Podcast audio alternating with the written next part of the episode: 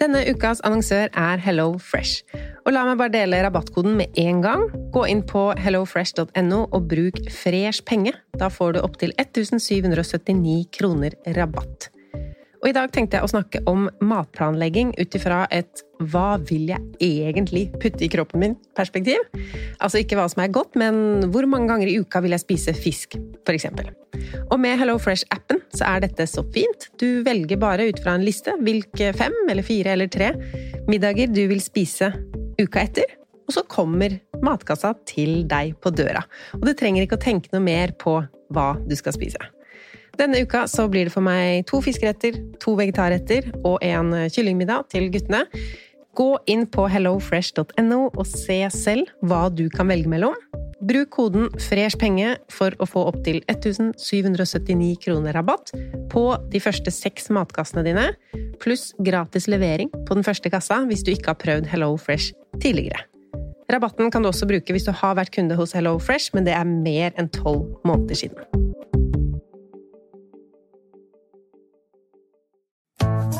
Har du et enkeltpersonforetak eller en liten bedrift? Da har nok Eller vent, sa du nei? Du vet at fiken også gjør det enkelt å starte din egen bedrift? Fiken superenkelt regnskap. Ja, og hjelp til å starte egen bedrift, da. Velkommen til Kjemperådet! Hey! Vi har fått inn et kjempenytt problem fra en mor. Jeg leser. Yes. Hei, jeg har en datter på 11 år som vurderer å slutte med orientering. Hun elsker jo å løpe, men finner aldri veien. Og jeg må sitte så lenge i bilen og vente.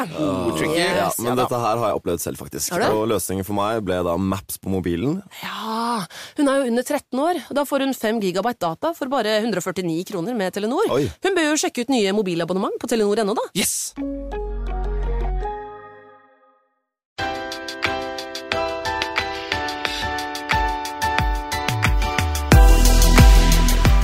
Nå må vi se litt på hvordan det ligger an her. Har jeg virkelig brukt opp nesten 300 000 kroner i år? Og hvor mye har jeg tjent? Og er det fortsatt mulig å nå sparemålet mitt? Velkommen til Pengesnakk-podkast, podkasten som hjelper deg å ta bedre vare på pengene dine, bruke dem på det du vil bruke dem på. Noen ganger er det gjester her, noen ganger gir jeg deg tips eller hjemmelekser, eller snakker om mine penger. Og det siste skal jeg gjøre i dag, med en sterk anbefaling om at du gjør det samme som jeg nettopp har gjort. Nemlig å gå gjennom økonomien hittil i år. For året er, hva sier man, på hell. Eh, Men det er ikke over. Det er 69 dager igjen av 2023, hvis du hører på denne podkasten den dagen den kom ut. Det er fullt mulig å fortsatt ta ulike grep. Jeg hadde jo planen klar i år. Jeg skulle spare 500 000 kroner, trene 50 ganger og lese 50 bøker. Treninga og lesinga går nok sånn akkurat, eh, men det kan vi snakke om en annen dag, for nå har jeg nok med pengene. Å spare en halv million kroner på et år er hårete. Spesielt når jeg samme år skal bruke masse penger på å bygge en helt ny etasje i huset mitt, med bad, vaskerom, gang, garasje, oppbevaring, stue med minikjøkken, grave opp hele hagen, drenere og mer. Så det som i løpet av året har blitt viktig for meg, et år hvor mange av de kostnadene jeg budsjetterte med, har blitt høyere, dere med boliglån og ansvar for matinnkjøp vet godt hva jeg snakker om, så ble det viktig for meg å ikke ta opp lån for oppussingen. Det ble et slags nytt mål, slik at istedenfor å spare masse penger i aksjefond, som var eh, planen, har jeg villet bruke de pengene inn i oppussing. Så hvis du er streng med meg, så kaller vi ikke dette lenger for sparing. Jeg er eh, godt på vei enig med deg, men vet du hva jeg gjør noen ganger? Jeg jukser litt. Fordi den eneste som trenger å være fornøyd med min egen økonomistyring, er meg selv. Så jeg har tidligere kalt nedbetaling av studielån for sparing, for jeg var opptatt av sparerate, og det jeg brukte på studielån når studielånet var ferdig, kunne jo gå rett til sparing. Jeg kaller salg av ting vi ikke trenger lenger, for å tjene penger. Selv om jeg har gått i minus på barnevogna, eksempel, så kaller jeg det inntekt når jeg får inn 2000 kroner for den, fordi jeg kjøpte den ikke som en investering, det var død kapital. Og jeg kommer i alle fall i denne podkastepisoden, til å se på penger brukt på kjelleren som sparing. Og det er ikke fordi jeg ser på renoveringen vår som en investering, sånn egentlig. Det kunne jeg strengt tatt gjort. Men når planen er å bo her i 40 år, så er det liksom ikke noe investering for meg. Det er penger jeg låser i huset.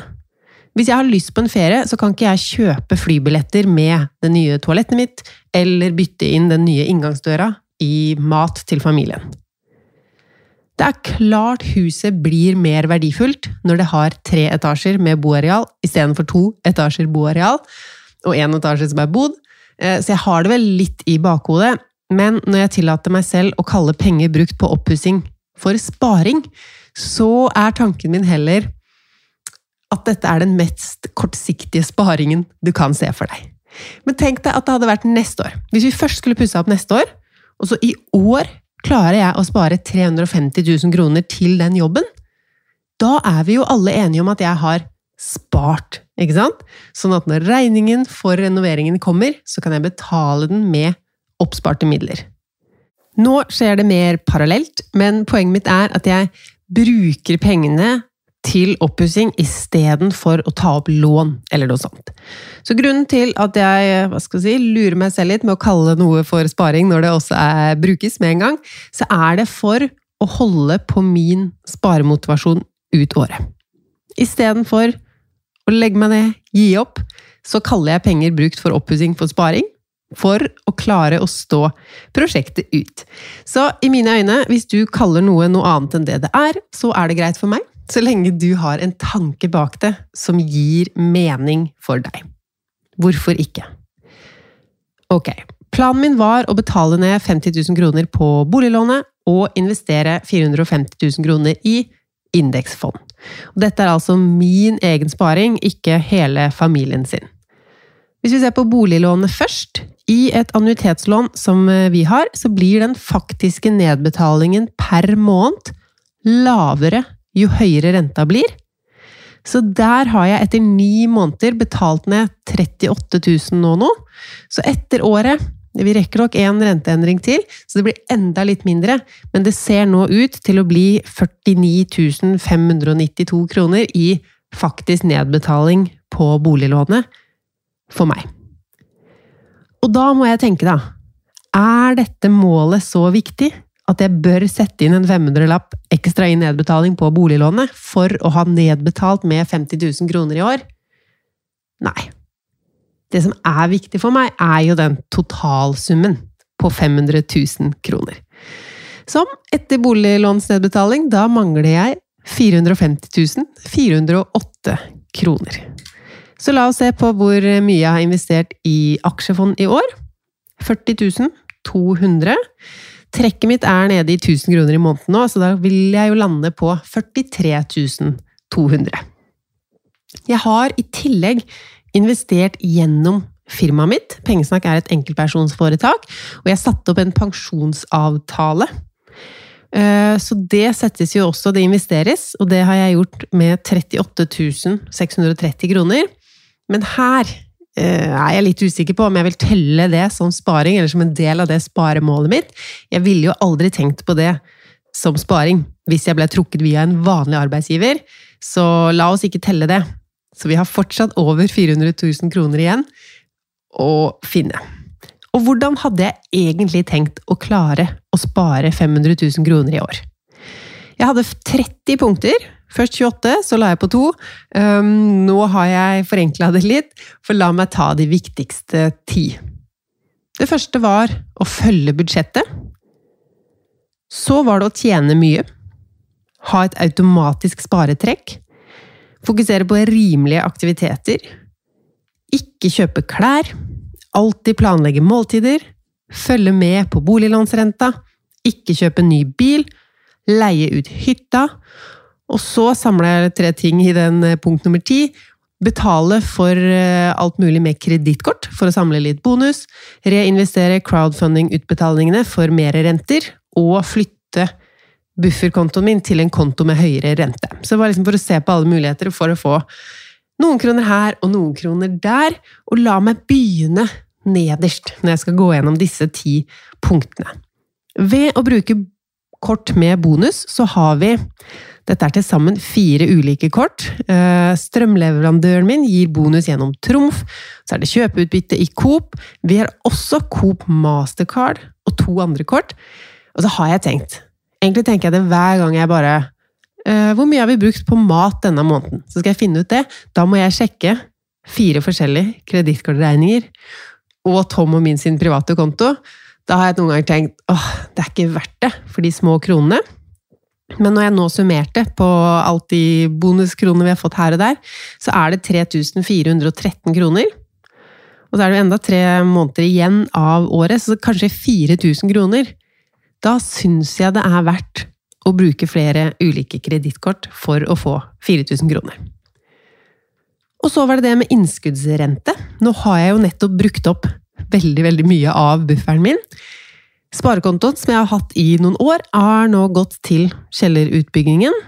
Men ved å flytte, jeg flytta det vel i januar, til en konto med bedre rente, så henta jeg inn flere hundrelapper i måneden sammenligna med kontoen det sto på, før jeg rakk å bruke det opp.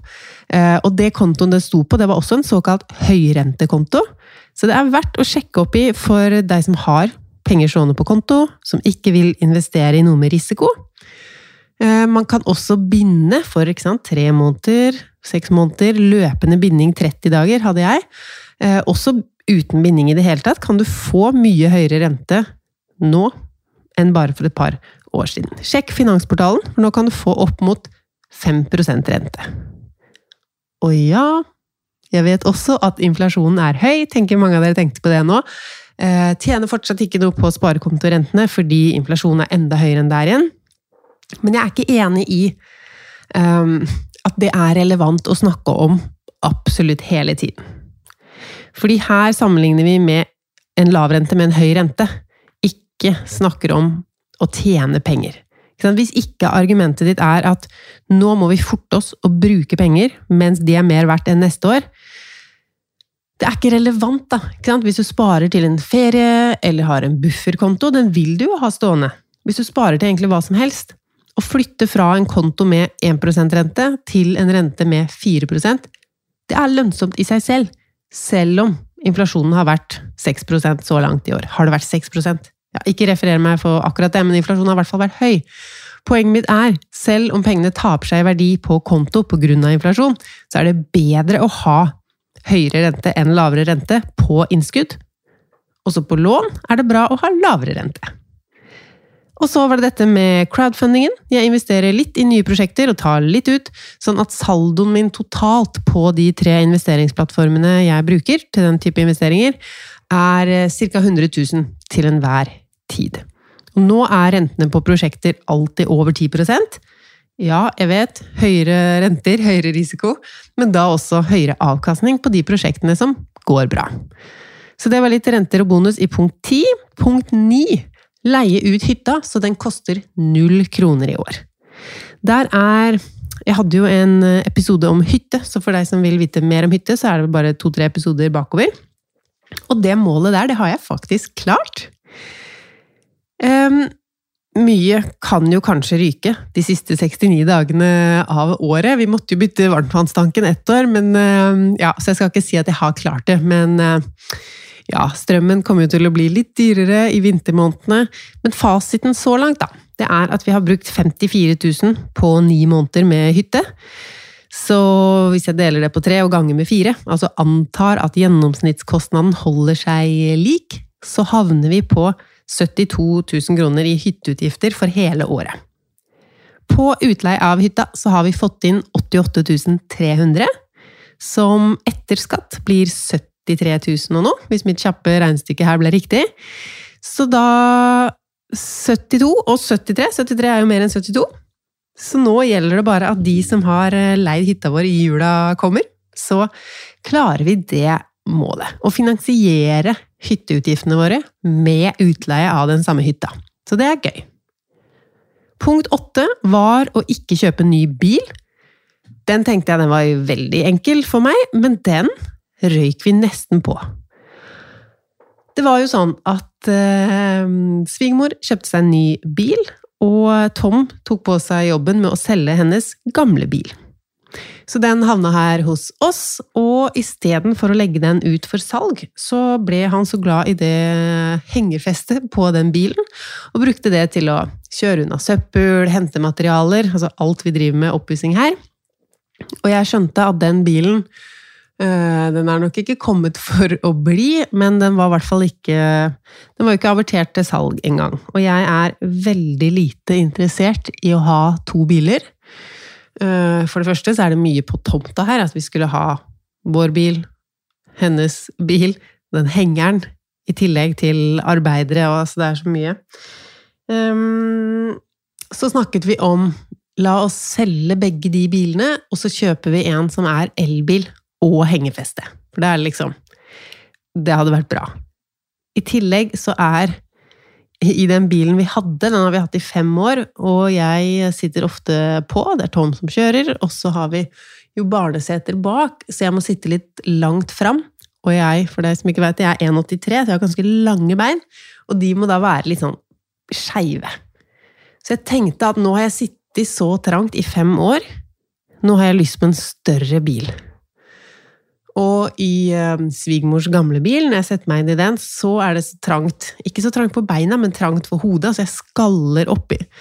Ja, jeg har lyst på en stor bil, men det var bare Vi kan ikke bruke så masse penger på en ny bil nå, så vi begynte med å selge vår bil. Tenkte da får vi ha svigermor sin som den eneste bilen fram til vi er ferdig med alt det søppelkjøringsgreiene, så får vi se da, da. Så eh, skjedde jo det at den eh, samme uka, eller var det kanskje en uke etter, som vi solgte bilen vår, så var det noen som krasja i svigermor sin bil som vi låner. Så da gikk vi jo fra å ha for mye bil, to biler, til å ha null biler. Og den har nå vært på verksted i seks uker, og jeg tror kanskje vi får den tilbake i dag, i hvert fall. Eh, Men vi har klart, da, å ikke kjøpe en ny bil, som jeg trodde skulle være en kjempeenkel ting, som eh, faktisk ble vanskelig, og jeg er glad jeg hadde skrevet det opp her som jeg skal ikke kjøpe noen ny bil i 2023. Um, Og det har vi klart. Så jeg får heller um, kose meg med den Volvoen som jeg skaller i taket, og tenke at uh, det går an å sykle selv om det er vinter. Punkt nummer syv, det gjaldt boliglånsrenta. Og der eh, var jeg nære ved å bytte. Jeg har fulgt med på renta gjennom eh, året, selv om det har jo vært kanskje det kjipeste året for oss som syns det er gøy med en lav eh, rente, så har det blitt dyrere og dyrere. Jeg har jo akademikeravtalen i Danske Bank.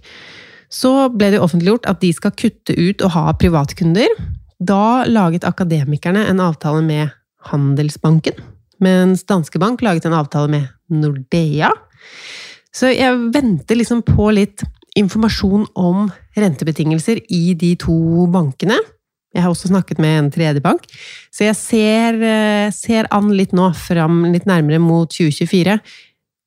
2025 hvilken bank jeg bytter til. Så jeg anbefaler deg å gjøre det samme. Se inn på Finansportalen, vit hvilken rente du har til enhver tid, selv om du syns det går i en kjedelig og dyr eh, retning, så følg med. 2024 mente jeg så klart i stad, ikke 2025. Nå er jeg så inne i eh, almanakken som jeg har laget, den er jo for 2024, så 2025 er jo Anyways. Punkt seks alltid planlegge måltider. Der er det litt feil. Altså, vi har brukt mye penger på mat. Heldigvis har jeg matkasse de fleste uker, for i all hektisk hverdag Og jeg har vært heldig med mye jobb, da.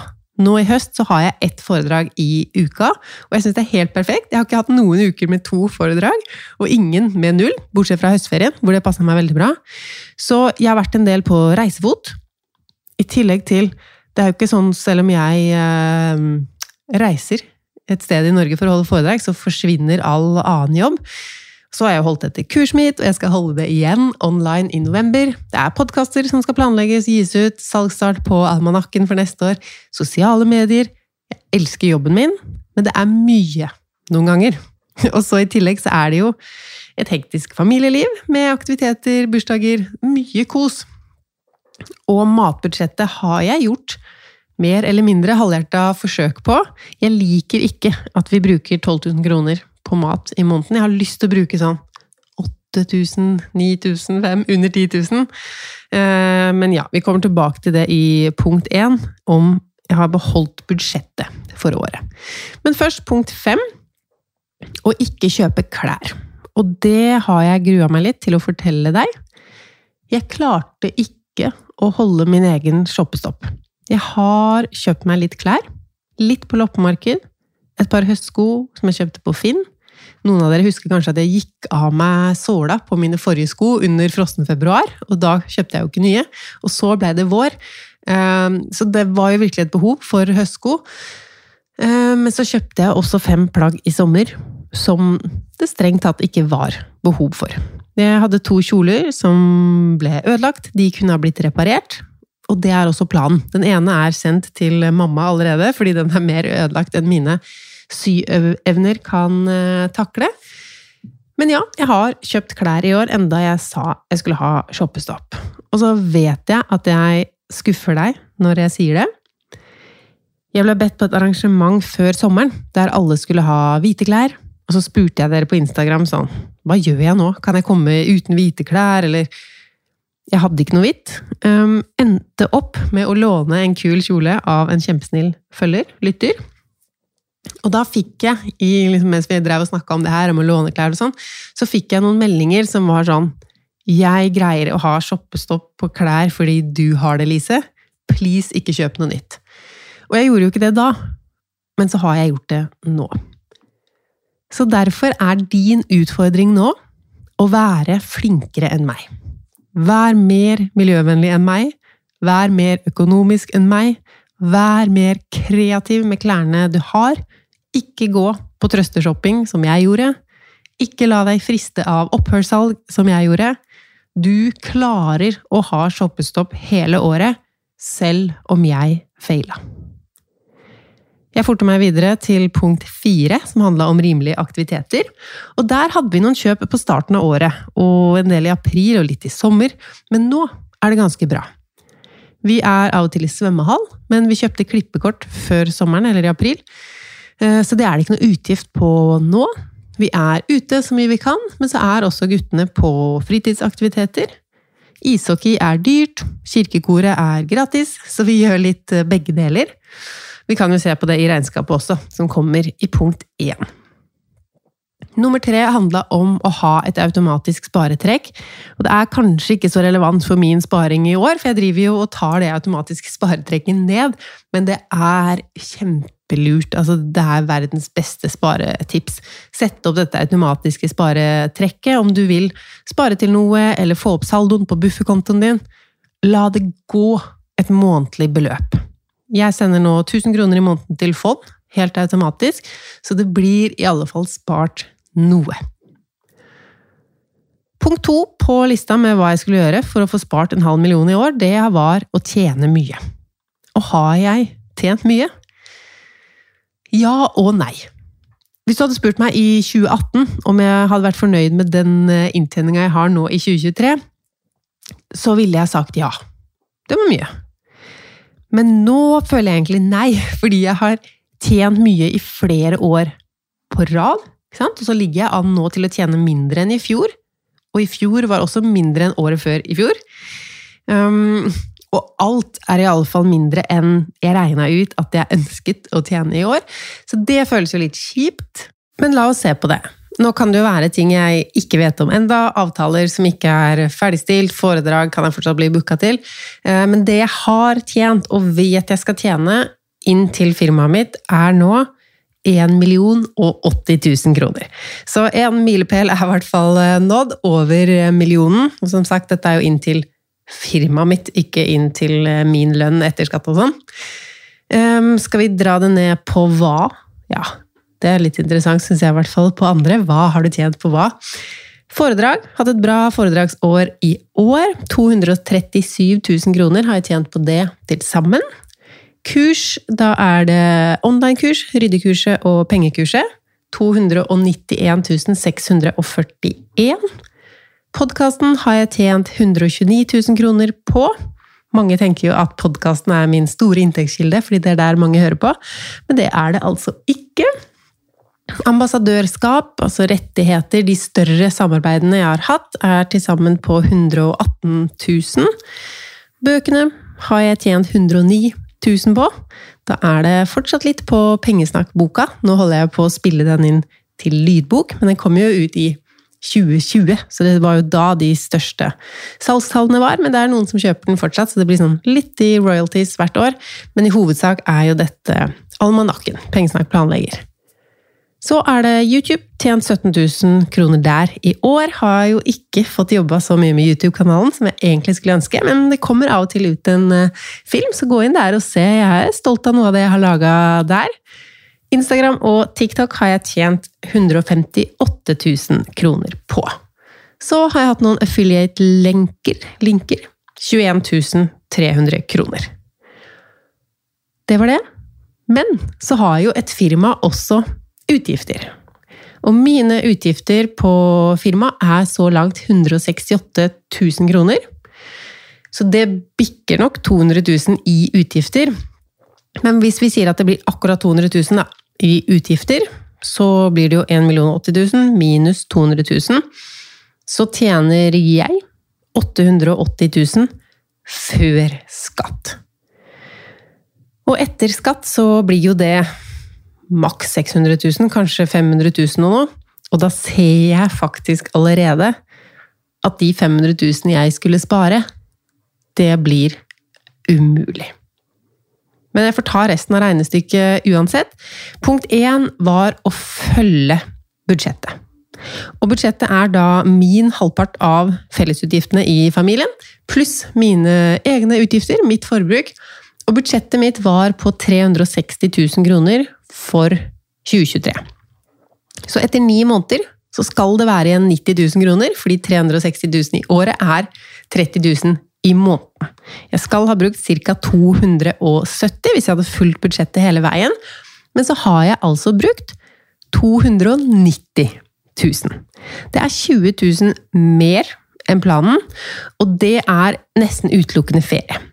Jeg glemte å budsjettere inn ferie, så der har du noe du kan lære fra meg.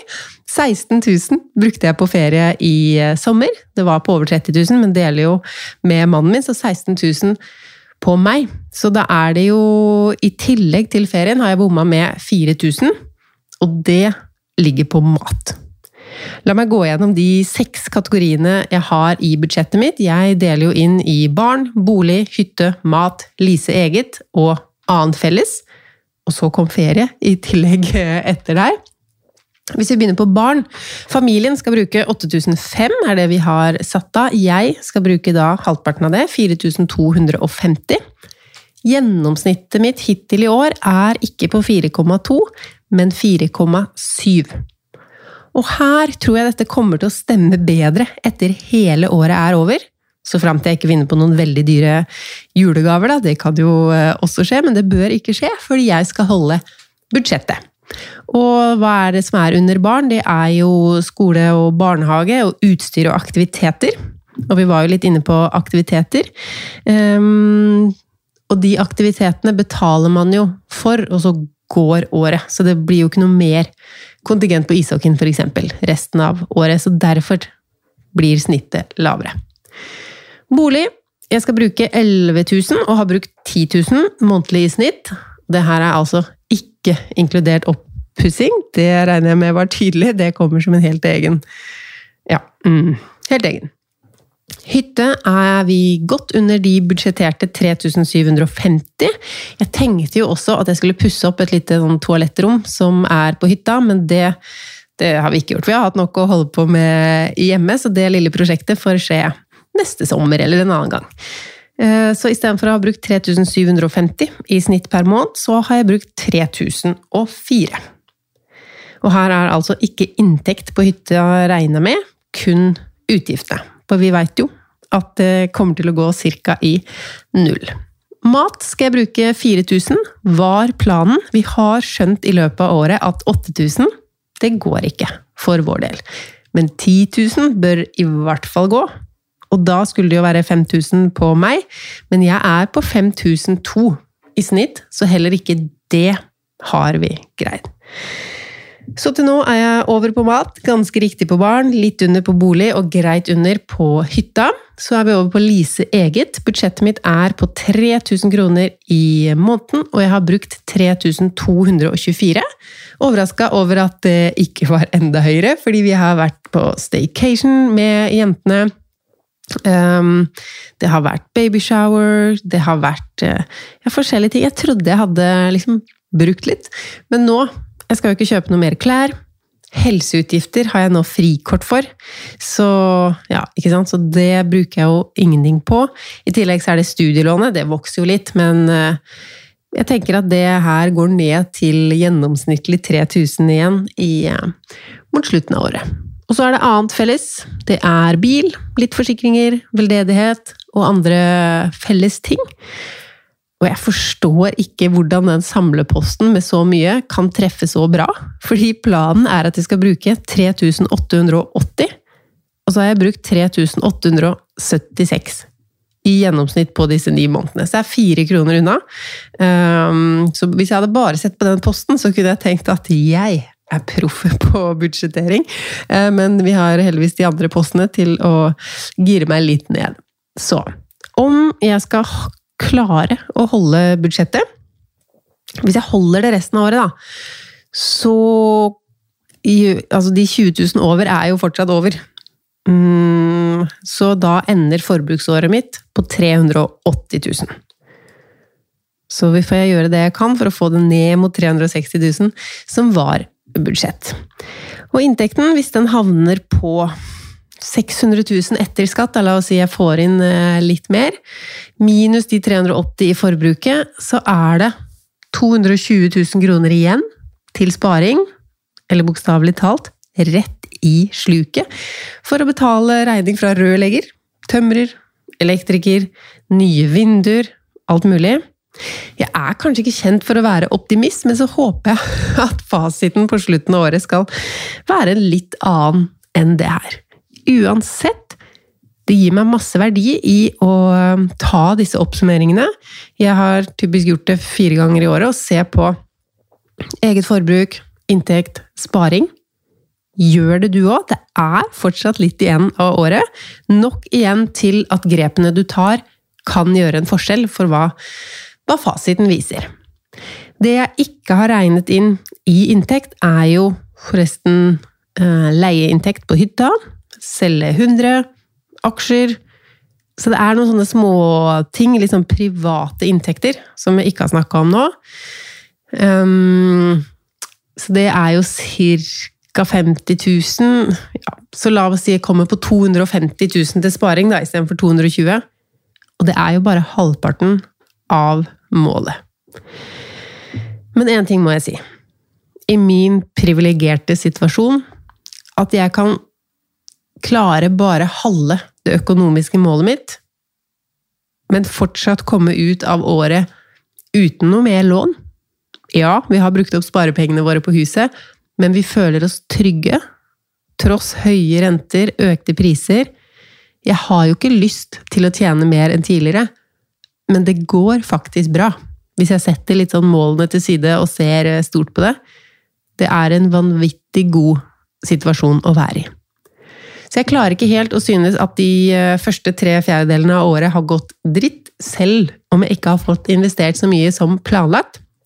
Når jeg la planen for året, så trodde jeg jo heller ikke at oppussinga skulle være i full kraft. Jeg trodde at mye kom til å bli spart til 2024. Og vi har fortsatt ting å gjøre i 2024, men vi har fått gjort masse sånn grunnarbeider i, i år som jeg ikke hadde eh, tenkt da jeg satte opp planen min i januar. Men vet du, akkurat nå eh, sjekka jeg fondene mine. Jeg sjekker jo de av og til, bare for moro skyld. Jeg skal jo ikke ta noe penger ut. Men hittil i år så har fondene mine økt med 413 000 kroner. Jeg har bare satt inn 40 000, men de har altså økt med over 400 000 kroner. Så der har jeg jo også en ting, at selv om jeg ikke har spart så mye i år, så har fondene mine jobba for meg, sånn at pengene mine har faktisk økt. Hvis du synes det er en stor jobb å gå gjennom økonomien din på denne måten, jeg håper jo du ble inspirert til å se på dine tall, del det opp. Ta forbruk i dag, sparing i morgen og inntjening på dag tre. Eller del det opp måned for måned. Hvis du vil se nå hele året, da starter du med januar. Eller du kan starte med september, som er den forrige måneden som er helt ferdig. Jobb deg gjennom året, én måned hver dag. Så har du full oversikt om litt over en uke. Lykke til! I episodebeskrivelsen ligger en link til bloggen, hjemmesiden min, og også til eh, der du melder deg opp på nyhetsbrev, sånn at du ikke går glipp av hvis jeg da endelig får laget en YouTube-film eller neste neste podkastepisode eller noe annet. Vi høres igjen her i podkasten neste mandag.